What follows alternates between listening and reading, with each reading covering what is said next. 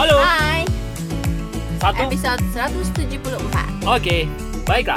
Action. Oh, Udah action dari tadi Ya kan biasanya kalau nggak Salah. pernah sih. Ah. Nah, kita mau bahas satu topik yang tadi Rusi bilang ke gue sambil makan bubur. Iya Dan kita baru menyadari bahwa topik ini ternyata bisa dipakai untuk banyak bidang gitu ya. Iya, segala aspek dalam hidup Iya, betul. Ini berarti salah satu nilai hidup yang universal Iya ya. Iya, sepertinya Hmm. Ya, betul sih. Apa Ya tuh? eh, Selalu ada harga yang harus dibayar Ada harga yang harus dibayar. Ya, price to pay. There is price to pay. Ya, gue gara-gara eh, gara-gara ini sih. Hari ini kan sebenarnya gue harusnya ngumpul Ya. sama teman-teman gue, sama emak-emak di sekolah sih gitu. Arisan dia, arisan. Cuma memang hari ini jadwalnya gue sama Ari pagi ya eh, kita lagi rutin mau mulai rutin berenang. Ya. Abis itu eh, podcast ini, abis itu eh, adalah kegiatan yang gue udah udah udah Set ya? jadwalin Ya, gitu ya, ya. sama Ari gitu dan teman-teman gue pada bilang udah lalu cepetan ke sekolah gitu. Jadi kadang-kadang gue ngerasa eh, hal-hal hal-hal ini tuh salah satu harga yang gue bayar gitu Hmm. karena eh gue mikir gini orang pada bilang hubungan gue sama Ari enak Hmm. tapi gue pikir belum tentu eh semua tuh mau ngejalanin yang gue jalanin gitu Hmm. kayak gue kan bisa dibilang eh ya kayak tadi ada waktu-waktu yang sama temen eh, akhirnya ya gue mungkin nanti baru eh, akhirnya gue datangnya tuh siangan gitu kan karena gue mau spend time sama Ari gitu kan dan kayak gitu kayak gitu terus ada juga kayak kalau gaya hubungan gue sama Ari kan Ari Hmm. tuh dari dari semenjak jadian bareng bareng Hmm. kali ya? 2004 kan jadian bareng eh jadian balik lagi 2004 tapi habis itu gue sama dia jauh-jauhan. Hmm. baru bareng lagi 2005 2006 oh ya 2006 2006 Ya. itu eh gue sempat kerja terus akhirnya gue resign. Habis resign gue balik ke Cilegon sama Ari. Nah sejak itu sampai sekarang itu udah Hmm. berapa tahun tuh berarti 13 Udah tahun. 13 tahun. Gue tuh udah nggak pernah pergi sendiri. Hmm. jadi gue kalau eh, ke Jakarta ke mana mau ketemu sama teman-teman ya pasti dianterin sama Ari. Terus ya pokoknya nggak pernah pergi sendiri gitu. Dan gue pikir mungkin nggak semua cewek akan betah digituin gitu. Hmm.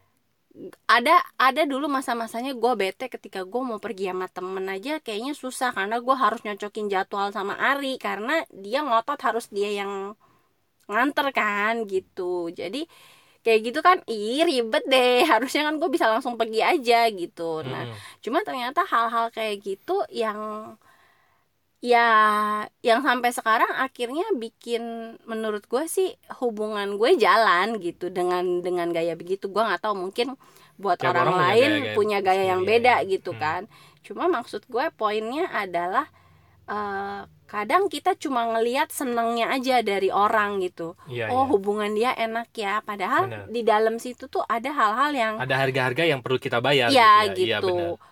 Walaupun pada awalnya memang rasanya berkorban, tapi sebenarnya sih sekarang-sekarang gue udah biasa dengan begitu dan Benar. eh, kayak ya gitu. Jadi berapa berapa banyak yang mau gitu di ke mana-mana harus cocokin jadwal dulu sama suami gitu. Sedangkan gue ngelihat banyak orang yang kalau mau pergi ya udah gue pergi aja sendiri gitu Hmm, kan. Nah Iya, iya. tapi pengen hubungannya sama suami enak dan lain-lain. Nah menurut gue kayak gitu kayak gitu lu nggak bisa lihat enaknya doang gitu. Iya, iya, iya, iya, iya. Kayak gue kayak kayak gitu ternyata eh, ada yang gue bayar itu gue harus eh, bukan harus sih ya tapi memang hubungan gue sama Ari jalan gara-gara itu gitu ke mana-mana bareng terus bertumbuh bersama ya ada eh, acara-acara yang seminar-seminar yang mungkin gue nggak terlalu interest tapi ya udah gue temenin Ari dan akhirnya karena gue temenin Ari gue jadi ikut dapet insight dari situ. Iya. terus kita bisa diskusi enak gitu nah gue nggak tahu eh, mungkin nggak semua orang mau diajak pasangannya untuk temenin yuk ke seminar ini. Yuk Iya. ikut ini bareng gitu kan. Atau belajar ba- ba- baca buku ini gitu. Iya bareng gitu. Nah hal-hal itu yang akhirnya bikin gue ngerasa eh, gue makin sinkron gitu sama Ari. Karena ke mana dia pergi gue pergi dan sebaliknya gitu. Apa yang kita tahu yang lain juga ikut belajar gitu kan. Jadi makanya bisa berkembangnya tuh bareng. Nah cuma tadi balik nggak semua orang mau gitu Iya. kayak gitu. Tidak semua orang mau bayar harganya gitu ya. Iya benar sih. Gue juga sempat punya eh, mikir begini gitu. Kayak dulu ngelihat eh, wah lo enak ya apa Rusi tuh bisa bertumbuh bareng gitu ya bisa diajak eh, bareng-bareng gitu gampangannya ya. Tapi tetap sama ada hal-hal yang mungkin juga eh orang nggak berani bayar sesuatu untuk itu gitu. Lo nggak pernah ngadepin Rusi yang bete-nya parah gitu gitulah Iya ya. kan benar gitu terus menghadapi dia yang sensiannya kalau dia lagi kumat segala macam gitu Iya sama sih ya sama dua-duanya juga sama gitu jadi menurut gua eh, benar kata Rusi tadi setiap orang itu hanya mau mencomot gitu ya hanya mau ngambil bagian-bagian yang menurut mereka enak gitu wah ya ini nggak ini gua nggak punya nih di kehidupan gua gua mau comot ah gue pengen yang seperti itu gitu tapi serangkaian yang ada di baliknya ini nggak enak ini nggak enak mereka nggak mau ambil gitu belum tentu mau Iya ya, belum tentu mereka mau bersedia. ambil ini dan ini berlaku buat bukan kalau Iya. gua sih pertama taunya ah, selalu ada harga yang harus bayar itu waktu zaman ikut Ari MLM-an kan. Ya ya kita lihat orang enak dapat ini dapat itu udah dapat eh, passive income udah income-nya gede gitu kan. Sekarang tinggal nikmatin tapi mau nggak bayar harganya gitu kan? Benar. Kerja keras di awal dan lain-lain jatuh bangun. Nah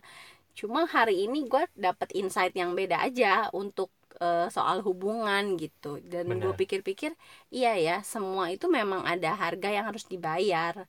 Dan menurut gue harga yang paling mahal itu yang rata-rata kita susah untuk bayar adalah untuk lepas ego gitu loh.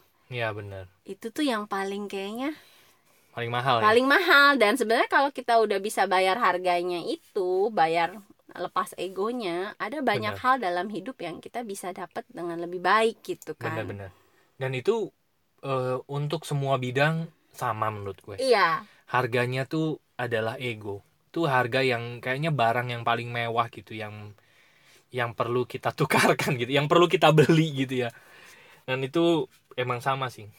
Yang perlu Tapi menarik kita ya, lepas. yang Iya. perlu kita lepaskan. Tapi itu satu hal yang menarik. Hubungan sama anak juga sama begitu kayak Iya. kita ngelihat hubungan orang tua misalnya orang tuanya sudah tua gitu ya Mm-mm. sudah lanjut usia dan hubungannya sama anak baik hubungannya sama anak kayaknya deket anaknya kayaknya Anaknya, perhatian banget ya gitu anaknya ya berbakti banget gitu ya gitu. nah kita kan pengen yang di situ tapi kita juga sering kali skip gitu men-skip waktu si orang tua ini masih muda mungkin baru ngerintis rumah tangga lagi repot-repotnya kerja segala macam. Tapi mereka masih mau meluangkan waktunya. Mereka masih mau masih mau apa ya? Ya meluangkan waktu Ya, tenaga effortnya untuk ngisi Ada. tangki cinta anaknya gitu. Iya. untuk ada buat anaknya gitu. Nah itunya yang sering kali kita skip gitu ya. Jadi, pada saat mereka ya, membayar harganya yang mungkin kehidupan mereka masih belum enak tapi mereka bersedia membayar harganya untuk anak-anaknya gitu ya. Benar. Dan akhirnya mereka menikmatinya gitu. Betul. Dan kadang-kadang bayar harga yang namanya juga bayar harga kan.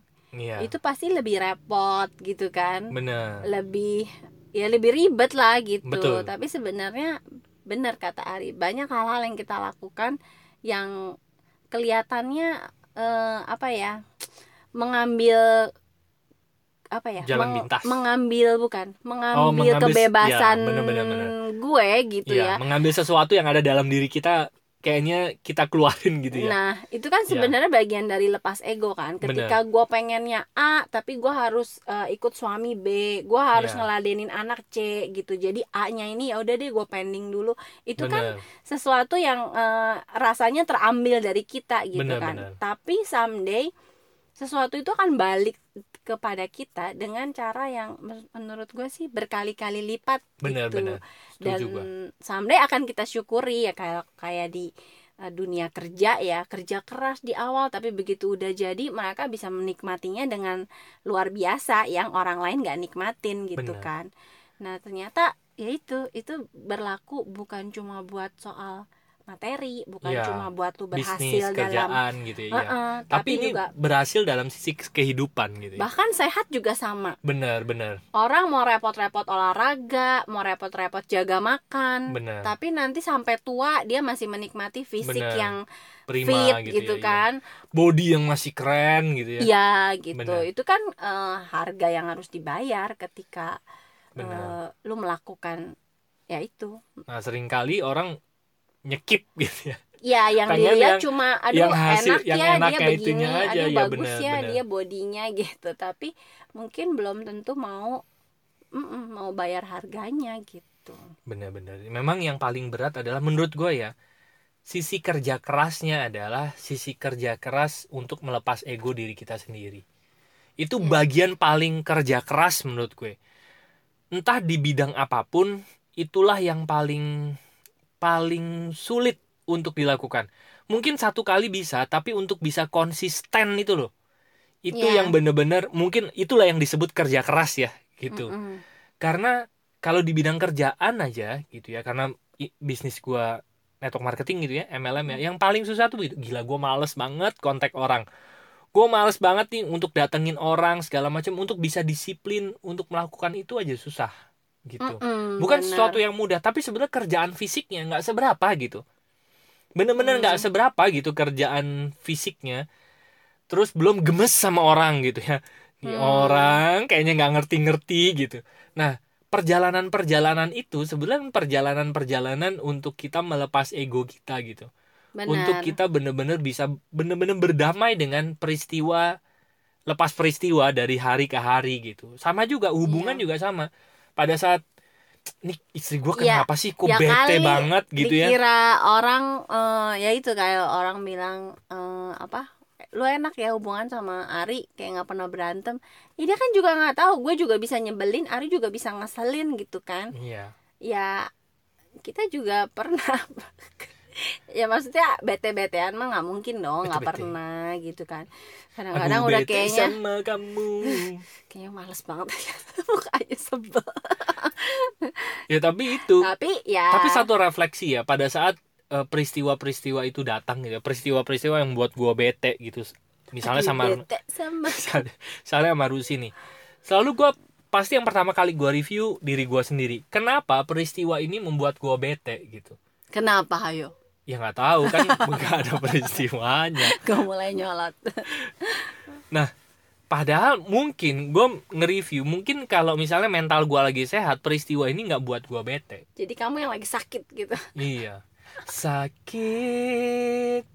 Makanya, kalau- kalau gue lagi eh, rapuh sih rapuh. Gue lagi error gitu gue suka Hmm. bilang sama dia sama anak-anak jangan macam-macam ya nih mami lagi lagi nggak bisa pokoknya bercanda urat bisa disenggol. urat toleransi mami lagi tipis nih jangan macam-macam udah kalau mami bilang ini ini, ini maminya lagi jadi itu warning buat mereka oh iya iya Iya. iya Jadi maminya lagi nggak bisa sabar dan di tahun-tahun yang lalu gitu ya ber- bertahun-tahun yang lalu kondisi seperti itu tuh frekuensinya cukup sering loh. Gitu. Jadi lo kalau iya jadi itu bisa tiap hari terjadi gitu. ya gara-gara kamu juga enggak sih gara-gara ya sama-sama Semua yang terjadi karena emosi kita. iya tahu tapi kamu juga memicu sekarang udah eh, itu lingkarannya udah lumayan enak ya jadi Iya. guanya udah sudah rada berkurang BT-nya. Ari juga udah lebih pinter menghadapi gue. Kalau dulu kan bego. sebetulnya bego itu karena belum tahu Iya gitu belum ya. ngeklik sebetulnya gitu Ya ya ya. Sekarang udah pinter dia. oh udah pinter ya Heeh, udah pinter. udah tahu selahnya gitu Udah ya? tahu mencet-mencetnya. aduh enak dong dipencet Gitu. Jadi ya balik lagi tadi selalu ada harga yang mm-mm, perlu dibayar. Gitu. sebetulnya bukan harus ya selalu ada yang harus dibayar Perlu. tapi perlu. dibayar. Karena di dunia ini nggak ada yang harus sebetulnya. Tapi kalau kita mau mendapatkan itu kita perlu melakukan hal ini ini ini ini gitu. Hmm, iya. karena semesta ini ngasih kebebasan sebetulnya. Lo mau ngapain juga? Nggak ada yang harus kok betul betul. tapi betul. kalau lo ngelakuin ini konsekuensinya itu gitu kalau lo ngelakuin itu Eh, konsekuensinya ini Tapi gitu. kalau ada yang begini nih, gimana kan s- tadi kan gue bilangnya eh, kalau mau bertumbuh bareng ya eh, salah satu harga yang harus dibayar adalah ke mana-mana bareng gitu kan. Mm-mm. Dan mm, misalnya Ari aja, Ari tuh kalau kalau kalau gue bisa dia pasti ajak gue Mm-mm. ke mana pun ya kan. benar Tapi biasanya kalau gue nggak ikut ya itu berarti karena gue nggak bisa. bisa. ninggalin anak-anak, anak-anak lagi sekolah, anak-anak apa. Tapi- dunia Tapi kalau anak-anak lagi bisa gue tinggal, gue pasti Ari bilang yuk ke sini, yuk berangkat ke sini ya udah gue ikut gitu. Nah itu kan oke lah Eh, di satu sisi tadi mungkin nggak semua gue nggak tahu ya nggak suami nggak semua suami betah di bareng-bareng eh, diki- padahal kan bukan dikintilin kan gue diajak ya bukan Iya. ngintilin. Gue paling sebel kalau ada orang yang ngelihat gue bareng sama Ari terus bilang lu ngapain sih ngintilin Ari terus? Karena gue sebetulnya ya, emosi sebenarnya kalau diomongin gitu. Gue nggak ngintilin. Gue pikir lu pikir gue apa? Gue tuh gue gue pribadi ya memang gue merasa energi gue jauh lebih penuh kalau misalnya ada Rusi gitu yang sering gue bilang di podcast gue gue kalau eh, nggak sama Rusi gue tuh sering sesak napas. Karena separuh napas gue jauh gitu. Napasin dong. Iya gitu. Nah makanya gue tuh jauh lebih seneng kalau misalnya gue ke mana-mana bareng Rusi gitu. Walaupun kalau gue ngobrol sama orang gue bahas bisnis dia tidak ngapa-ngapain dia tidak dia gue hanya menimpali Iya, seperti yang gue gitu. bilang menimpali Cuman- untuk cuman gue senengnya tuh begini kalau misalnya gue nanti ngobrol-ngobrol-ngobrol-ngobrol selesai ngobrol nanti udah di mobil gue bilang gimana menurut kamu? Dia bilang dia akan kasih pandangannya gitu. Nah enaknya adalah kalau dia ikut gue kan sama-sama mendapatkan informasi itu bareng-bareng gitu.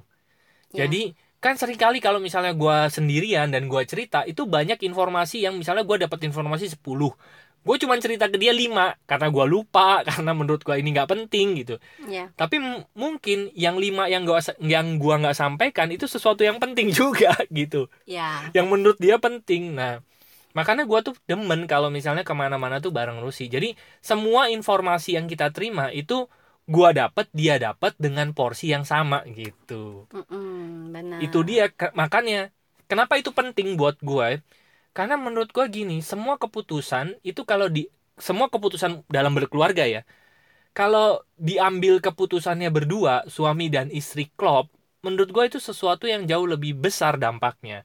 Yang kita pernah bahas di podcast kapan itu. Satu bawah sadar yang klop aja itu bisa narik sesuatu yang hebat terjadi dalam kehidupannya. Apalagi dua bawah sadar klop itu jadi akan sesuatu yang jauh lebih besar daripada satu bawah sadar yang klop gitu. Hmm, ya oke itu poin sebenarnya itu poin selipan karena sebenarnya bukan itu tadi yang cuma ya, tapi poinnya gini. Cuma benar, maksudnya ya itu mewakili perasaan gue tadi dan Ari akhirnya udah cerita. cerita. Nah, menurut gua gini, apakah suami istri itu harus selalu bersama? Menurut misalnya kayak gua sama Rusi kan memang ke mana-mana bareng gitu ya. Apakah semua orang harus kayak kita? Jawabannya ya enggak.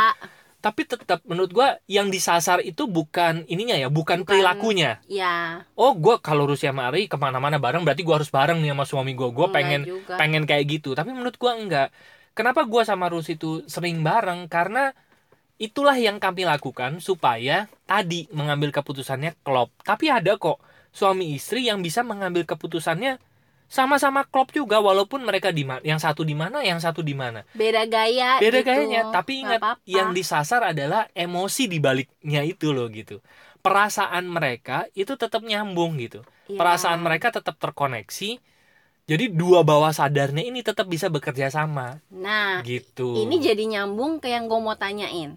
Wih, jadi nyambung Apa tuh? Nah, gimana ada kalau ada oke, gue gua pengen eh, misalnya istri gue juga bisa gitu kan Mm-mm. eh, diajak diskusi. Gue ajak dia ke seminar, tapi dia Hmm. nggak mau gitu.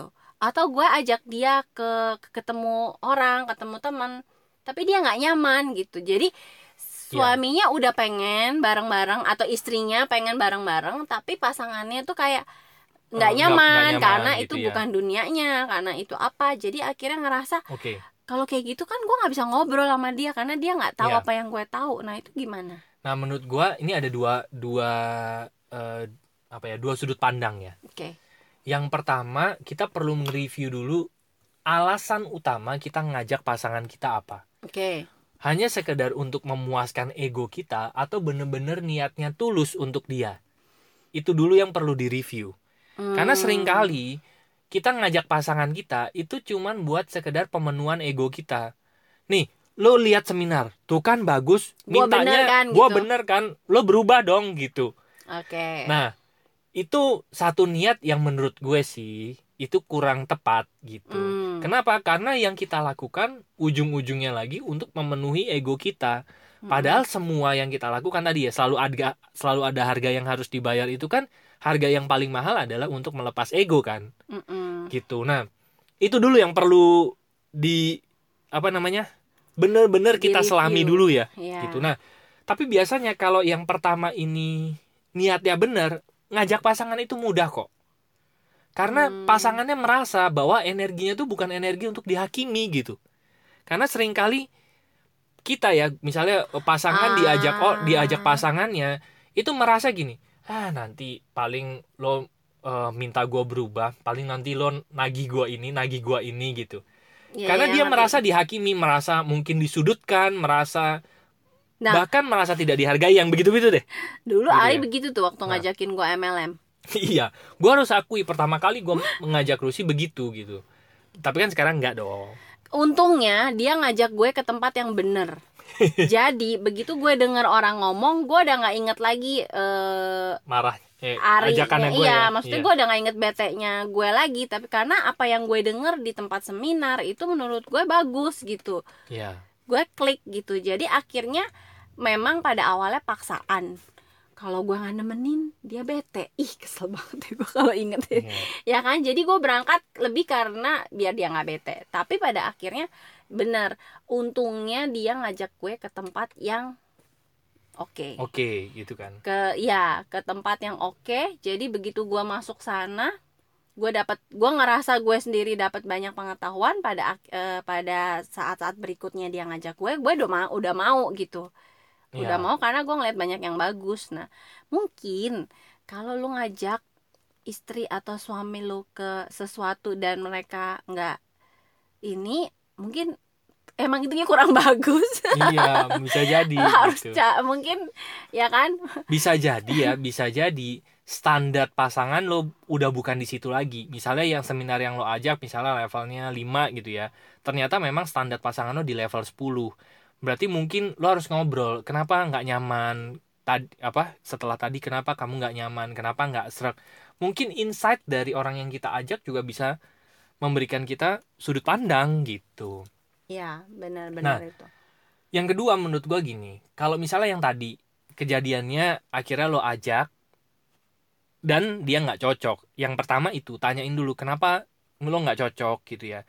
Tapi kalau menurut lo apa yang lo lakuin itu benar dan itu sekali lagi ujung-ujungnya adalah untuk melepas ego. Ini jalan yang lo tempuh ini bisa untuk membantu lo melepas ego atau enggak gitu.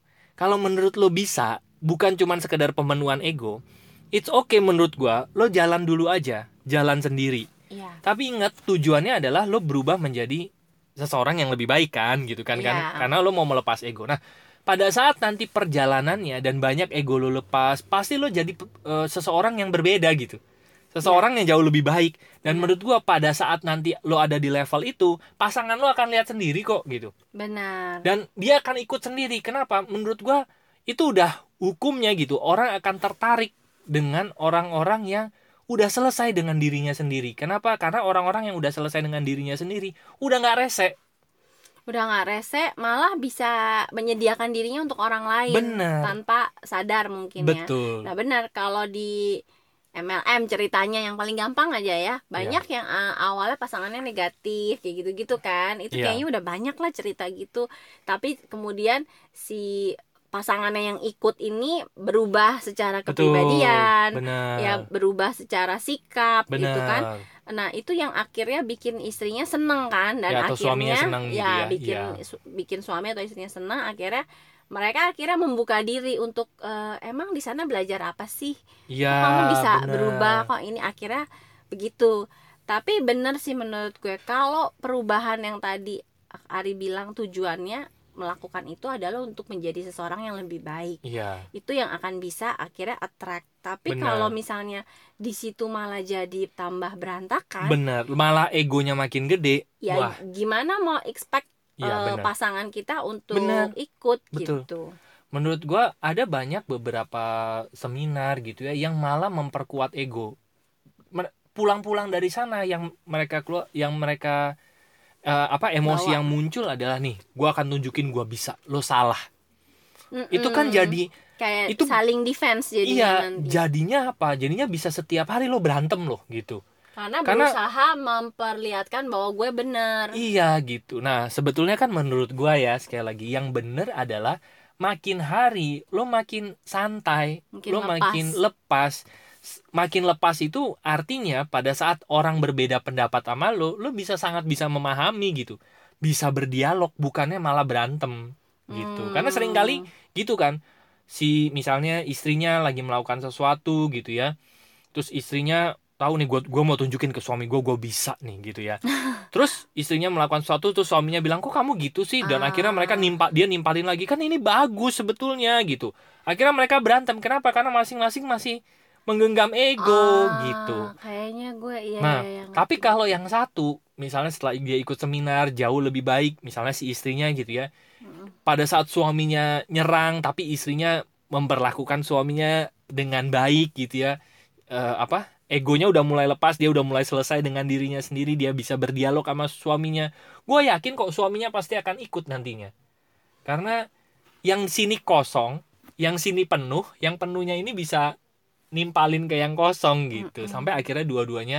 egonya lepas Tapi gitu. sebenarnya perlu kasih gini juga ya. Eh, itu kan sebenarnya ikut dengan tujuan oke eh, dapat informasi yang sama, bertumbuh bersama gitu Betul. kan ya. Tapi tetap ada kebebasan untuk melakukan apa yang jadi panggilan jiwanya boleh gitu buat. betul Jadi nggak juga narik untuk lu harus ngejalanin Sama, ini gitu. gitu enggak Padahal kan mungkin eh, antara suami istri kan bisa beda kan. betul Gitu. benar tidak Jadi, harus sama eh, panggilan bersamanya itu sekedar bukan sekedar sih lebih untuk bertumbuh bersama bertumbuh itu kayak bersama tadi. benar. Perjalanan melepas ego bareng-bareng Benar. benar. Gitu. Dan menurut gua itu juga bagian dari membayar harga masing-masing gitu. Eh dan bukannya promo ya? Hmm. menurut gue Ari kan sering ngajak gue ke seminar MLM kan. Ya. banyak eh, apa pengetahuan-pengetahuan pendidikan-pendidikan yang eh, dulu gue tuh males gitu karena Hmm. gue cuma mikirnya itu cuma kepake buat bisnis MLM Hmm, tapi setelah gue buka pikiran gue Ya. eh, gue buka hati gitu ya Ya. eh, gue ngelihat bahwa ilmu-ilmunya itu bisa dipakai bahkan untuk usaha gue gitu iya untuk gue nulis buku Benar. untuk gue pengen buka apa pengen buka apa yang nggak ada hubungannya sama MLM itu kepake banget jadi betul makanya tadi gue bilang eh, apa eh, pastiin tempat yang lu ajak pasangan itu tempat yang bagus gitu Benar, benar. karena kalau tempat yang bagus kasih pendidikan yang bagus itu nggak melulu cuma dipakai buat bisnis MLM Iya, yang sempit gitu iya ya nggak sesempit itu gitu kalau yang eh, sekolah pendidikan yang bagus mereka Iya. akan ngajarin banyak hal yang kita bisa pakai untuk ya kehidupan, kehidupan gitu. betul.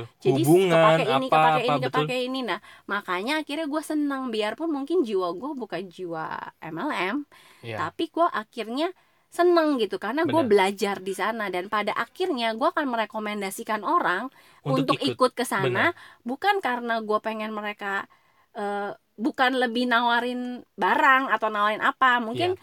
karena kalau jiwa gue gue lebih demen orang senang belajar gitu Betul, kayak gue. Jadi gue akan merekomendasikan bisnis itu karena mereka punya pendidikan yang bagus, gitu. Itu pengalaman gue sih. Jadi akhirnya bisa sinkron juga nih sama Ari gitu. Iya. walaupun gue nggak yang jiwanya nggak yang MLM banget gitu kan. Tapi Em, pada sebentar. akhirnya jiwa yang MLM banget itu gimana ya menurut? Karena menurut gua gini ya gue sama Rusi ini sama gitu gue senang belajar Rusi senang belajar kenapa gue tertarik dengan industri network marketing yang memang pertama ini adalah satu industri yang memberikan passive income yang paling mudah dibanding jalan yang lain ya gue bilang passive income ya bukan duit besar cepet ya bukan Gitu ya. duit cepat karena banyak orang Salah kaprah. kaprah iya Iya, industri MLM itu sebetulnya bisnis MLM itu sebetulnya untuk kita dapetin uh, passive income dengan cara yang termudah dibandingin dengan cara yang lain. Kalau duit cepat, yang lain ada tapi yang lebih banyak. mungkin ada MLM yang memang buat duit cepat karena mereka lebih ke misalnya ke apa Selling. selling Iya. gitu ya tapi ya nggak untuk passive income juga gitu Benar. sebenarnya sih mesti lihat-lihat juga lu pengennya apa berarti Iya lu benar. lo akan cari tipe tipe MLM yang Yang sesuai begitu, gitu. nah. Kalau mau duit cepet ya cari MLM yang bisa uh, selling atau apa gitu kan. Ya. Tapi kalau mau yang passive income berarti lu mesti lihat yang Cari jangka juga. panjang gitu. Yang pendidikannya bagus, yang produk-produknya selalu Inovatif. inovasi gitu ya, kayak gitu Benar. kayak gitu sih. Nah, lanjut. gue sama Rusi sama. Sebetulnya yang yang membuat gue paling tertarik dari industri network marketing adalah pendidikannya gitu. Mm-mm. Nah, pendidikannya itu menarik menurut gue gitu. Nah, cuman tidak semua network marketing itu memberikan pendidikan yang menarik dan benar. dan benar. gitu itu yang paling penting sih gitu nah mungkin kalau teman-teman tertarik gitu ya untuk mendapatkan pendidikan yang benar di industri network marketing dengan tujuan apa pun tujuannya memang untuk passive income untuk membangun hubungan untuk Ya, untuk, sisi belajar. kehidupan yang lebih baik lah ya gitu bahkan sekolah bisnis bisa dipakai untuk usaha konvensional Apa pun gitu, itu, kan. iya. Itu karena juga banyak gitu ngefek.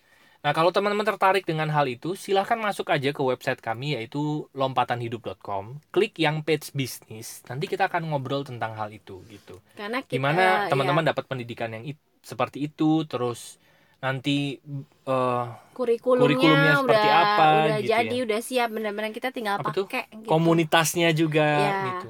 itu sih yang gue demen nah maksud gue yang MLM banget tadi adalah kalau gue nggak tahu orang lain kan mungkin lebih seneng jualan produk Oh iya. lebih seneng Terus em, yang luar biasa ya. iya gue nggak tahu gue nggak punya semangat yang kayak gitu sih maksud gue Iya. makanya gue nggak bilang yang MLM banget tapi nggak tahu ya Hmm. kalau gue lebih ke biasa-biasa aja gitu cuma Iya. apa yang menurut gue bagus gue akan rekomendasikan Cerita, gitu ke betul. orang karena gue sendiri ngerasa gue dapat manfaat banyak gitu Benar. Betul sekali, betul betul. Jadi Gitu. ya tadi gitu ya, apa pun bidangnya. Nah, kata yang tadi itu ya, selalu ada yang harga selalu ada harga yang perlu dibayar. Itu sebenarnya kita juga pertama kali dapat di industri network oh marketing. iya Tadi Rusi juga cerita. Tapi benar ternyata bisa dipakai di kehidupan-kehidupan yang Iya, gue baru ngeh karena tadi oh iya ya, yang kejadian hari ini tadi gue cerita Betul. gitu. Jadi Oke. Ya kalau kita ngelihat ada sese- seseorang atau sesuatu yang kita lihat kok enak ya, kok menyenangkan ya, eh, dan kita mau kayak gitu, coba eh, pastiin mau juga lihat yang nggak Iya. enaknya, lihat yang perlu dibayarnya apa. Kalau Betul. mau ya eh, pasti Jalani. iya jalanin Iya. gitu. Betul sih, betul betul. Gue pribadi juga sama. Ini waktu pertama kali diajak Rusi berenang rutin ya. Dia bilang tiap hari. Gue cuma pikir gila tiap hari. Cuma Cuman. Emang gue menyadari bahwa PR gue adalah konsistensi kan gitu. Makanya gue buat podcast sama Rusi buat podcast eh puh, buat podcast. posket. gue buat podcast tiap hari itu karena itu gue eh, melatih diri gue untuk konsisten. Ini juga gue sama diajak Rusi yuk kayaknya kita udah perlu olahraga nih gitu. Olahraga yang rutin ya gitu. Tiap hari ya udah gue pikir oke lah ini juga salah satu bentuk konsistensi gue supaya tadi gue perlu membayar sesuatu untuk gue nikmati di masa yang akan datang. Ya, Gitu. seperti di episode yang berapa kemarin? Apa ya? yang Ada ya? itu yang eh, kita yang tua nanti akan say thank you sama Oh, kita iya, buat bener. apa yang kita lakukan sekarang. Nah, kenapa Nah. gua akhirnya niatin untuk rutin berenang ya satu salah satunya gara-gara podcast itu. Gua kan Betul. pernah bilang ya sama Ari juga bahwa podcast ini sebenarnya untuk kita berdua.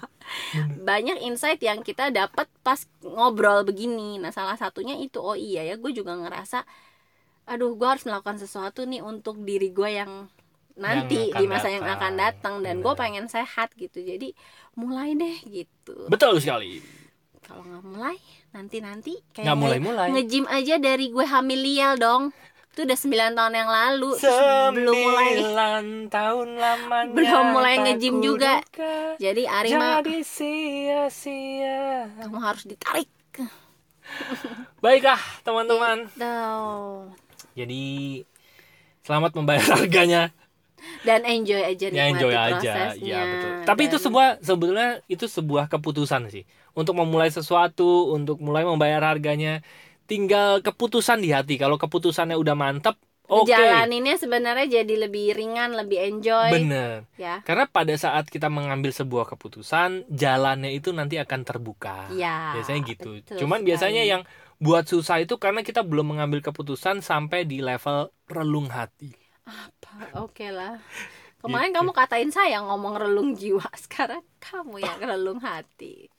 Ya ya ya ya ya. Oke, baiklah. Bagi teman-teman yang masih ngobrol bareng kami, silahkan masuk ke website kami yaitu Lompatanhidup.com nanti ada tiga page sana apa aja?